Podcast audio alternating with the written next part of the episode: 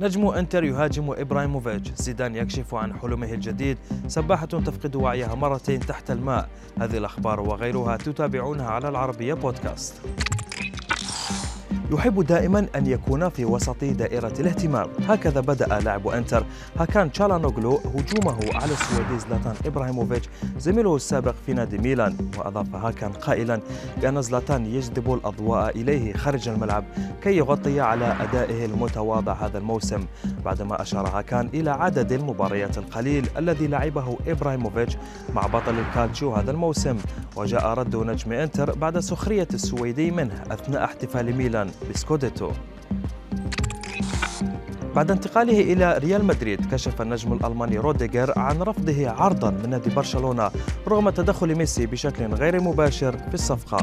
وقال, وقال روديجر في بودبا بودكاست أنه كان قريبا من النادي الكتالوني عام 2018 ورغم ضغط والده عليه إلا أن الألماني فضل التريث لحين وصول عرض من مدريد وهو ما تم فعلا لكن بعد عدة سنوات.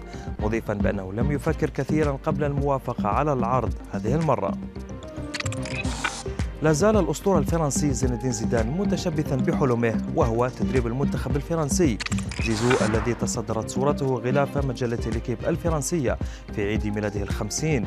صرح خلال لقاء مع المجلة بأن قصته مع المنتخب لم تنتهي بعد مضيفا بأنه ترك الباب مفتوحا أمام الاتحاد الفرنسي للاتصال به في أي وقت.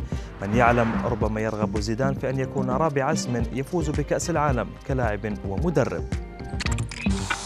للمرة الثانية خلال عام واحد السباحة أنيتا ألفاريز تغرق خلال منافسات الرقص الإيقاعي بعد فقدانها لوعيها. السباحة الأمريكية غرقت في بركة السباحة قبل أن تنقذها مدربتها وطاقم الإنقاذ المتواجد.